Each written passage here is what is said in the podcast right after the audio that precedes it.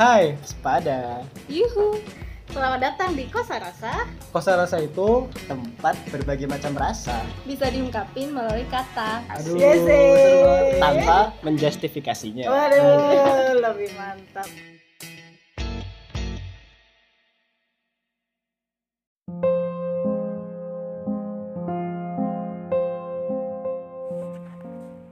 Aku akan membacakan suatu puisi yang sangat aku sukai. Aku sudah membacanya beberapa waktu yang lalu. Dan puisi ini terasa sangat aku banget gitu. Hari ini, malam ini, saat aku record pada saat ini.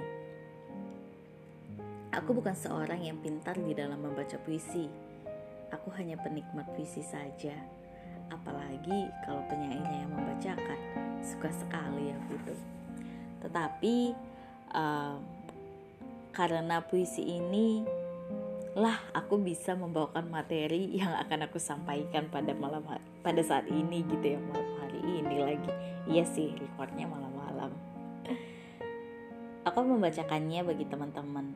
Ku harap teman-teman dapat maknanya ya kalau aku yang bacain kalau nanti nggak dapat maknanya bisa baca sendiri kok. Puisinya berjudul memutar kunci pintu rumah. Ditulis oleh penyair Sapardi Djoko Damono di dalam buku puisinya yang berjudul Perihal Gendis. Memutar kunci pintu rumah. Terdengar suara klik ketika pintu depan dikunci Diputarnya handle beberapa kali. Aman, katanya. Ketika membuka pintu pagar, dilihatnya sekali lagi wajah rumahnya. Aku pamit ya rumah. Jaga baik-baik pekarangan kita. Di tepi jalan raya yang tidak pernah tidur, ia memutuskan untuk menyeberang agar bisa lebih mudah berjalan ke barat. Mas Robin satpam kompleks yang selalu membawa gendewa, menyetop kendaraan yang lewat, dan sambil membungkuk memberi jalan gendis. Ia bertugas mengumpulkan dana orang-orang kompleks untuk dibagikan kepada yang berkekurangan. Ia pun tak menjawab ketika gendis, gadis itu mengucapkan terima kasih. Gendis tidak jarang berpikir siapa sesungguhnya sosok yang ada di balik baju Robin Hood itu. Gendis punya keinginan kuat untuk menjadi bagian dari negeri dongeng yang menyejukkan hatinya selama ini. Aku ingin tinggal di sana. Katanya selalu kalau malam hari terdengar geluduk dan petir dan angin yang membentur-benturkan diri ke daun jendela. Baru beberapa langkah ia berjalan ke barat, didengarnya suara yang sangat dikenalnya. Kenapa kau tega meninggalkanku sendiri? Ia kenal betul suara itu. Suara rumah yang baru saja ditinggalkannya.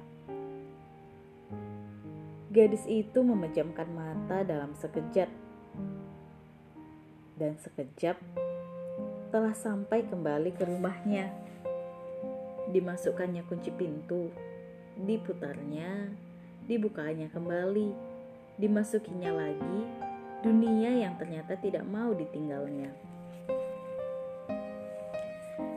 Puisi ini mengingatkanku 10 tahun yang lalu, sekitar bulan Juni, aku meninggalkan rumah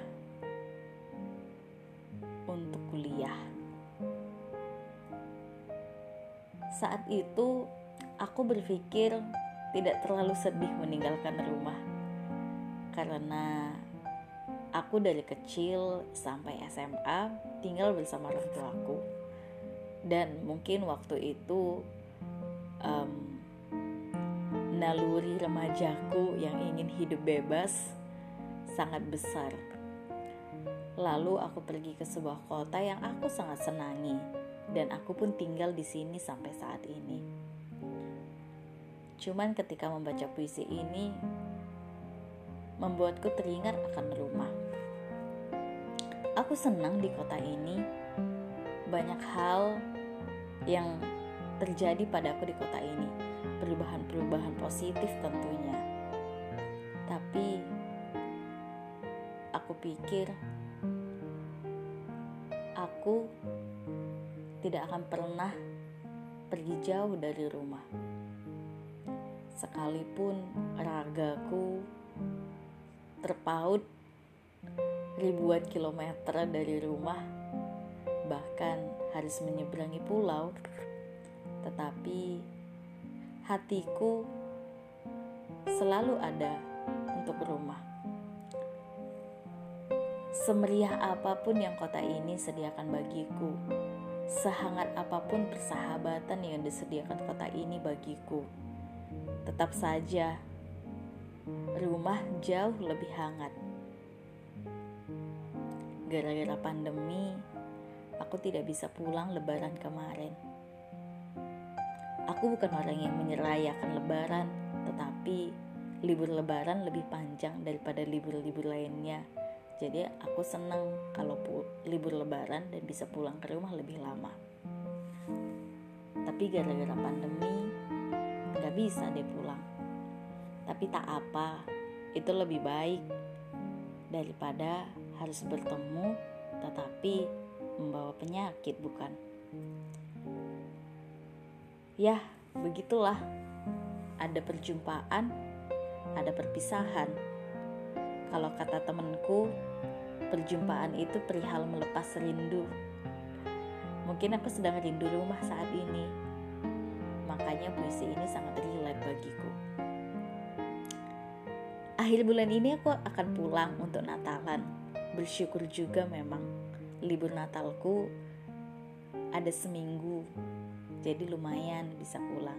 Sekalipun sebenarnya tidak ada perayaan Natal karena pandemi, tapi tak apa, yang penting bisa berkumpul. Tapi tetap jaga jarak.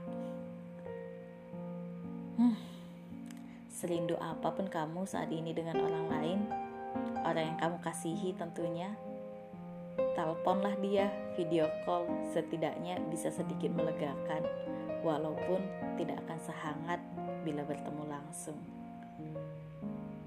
Merindu adalah bagian daripada hidup, maka mari menikmati rindu. Aku Grace dari Kosa Rasa Podcast.